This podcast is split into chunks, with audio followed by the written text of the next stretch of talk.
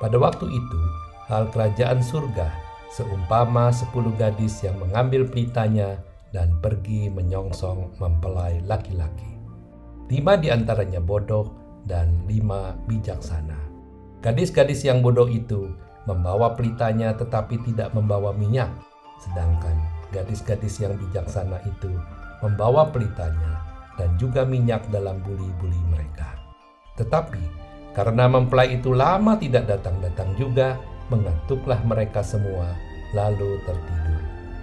Waktu tengah malam, terdengarlah suara orang berseru, Mempelai datang, song-songlah dia.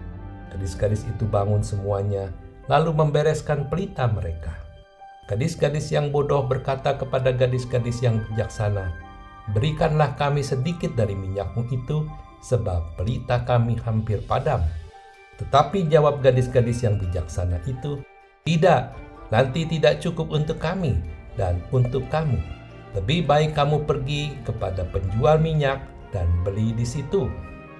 Akan tetapi, waktu mereka sedang pergi untuk membelinya, datanglah mempelai itu dan mereka yang telah siap sedia masuk bersama-sama dengan dia ke ruang perjamuan kawin, lalu pintu ditutup. Kemudian datang juga gadis-gadis yang lain itu dan berkata, Tuan, Tuan, bukakanlah kami pintu. Tetapi ia menjawab, Aku berkata kepadamu, sesungguhnya aku tidak mengenal kamu. Karena itu, berjaga-jagalah, sebab kamu tidak tahu akan hari maupun akan saatnya. Saudara, mungkin kita terusik ketika menyaksikan video tadi atau membaca perikop tentang lima gadis bijaksana dan lima gadis bodoh yang terdapat dalam Matius pasal 25 ayat pertama sampai ke-13. Mengapa lima gadis yang menolak berbagi minyak disebut bijaksana?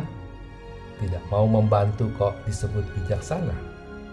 Firman Tuhan sesungguhnya tidak pernah menghina mereka yang kurang dalam kecerdasan dalam arti seperti ini dan juga tidak menghormati mereka yang memiliki kecerdasan di atas rata-rata. Karena di hadapan Allah, semua orang sama-sama berdosa. Manusia yang suka membanggakan hal-hal yang tidak dihargai oleh firman Tuhan sesungguhnya sedang berlaku bodoh. Lalu apa yang dimaksud bodoh dan bijaksana di sini? Secara sederhana, bodoh adalah sikap yang tidak mau diajar oleh kebenaran firman Tuhan.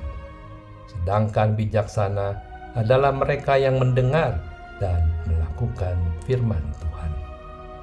Dalam konteks di sini, bodoh berarti tidak mempersiapkan diri dengan baik, sementara bijaksana berarti bersiap sedia dan berjaga-jaga.